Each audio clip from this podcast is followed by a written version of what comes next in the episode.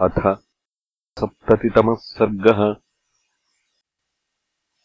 कबन्धेन सह युद्धम्। तौ तु तत्र स्थितौ दृष्ट्वा भ्रातरौ रामलक्ष्मणौ।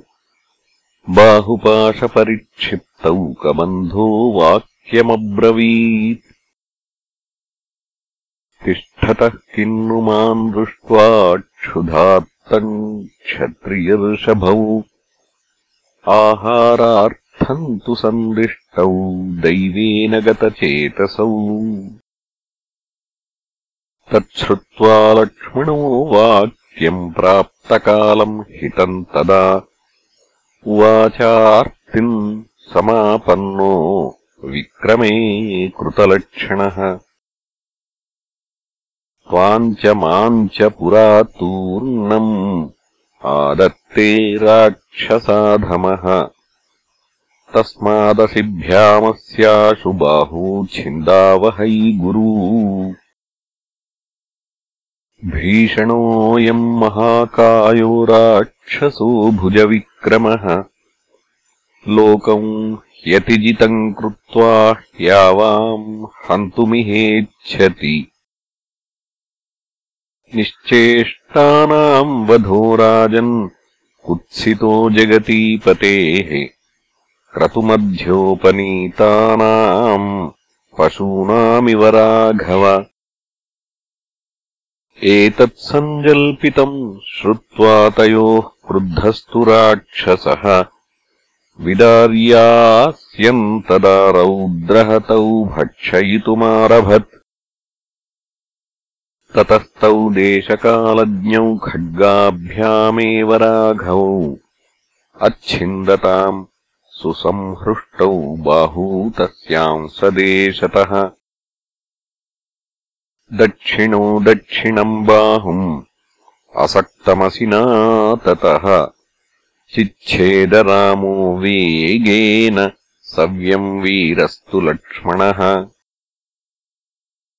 सपपातमहाबाहुः छिन्नबाहुर्महास्वनः। खम् च गाम् च दिशश्चैव नादयम् जलदो यथा। स निकृत्तौ भुजौ दृष्ट्वा शोणितौघपरिप्लुतः दीनः पप्रच्छतौ वीरौ कौ युवामिति दानवः इति तस्य ब्रुवाणस्य लक्ष्मणः शुभलक्षणः। शशंसराघवन्तस्य कबन्धस्य महात्मनः। अयमिक्ष्वाकुदायादो रामो नाम जनैः श्रुतः।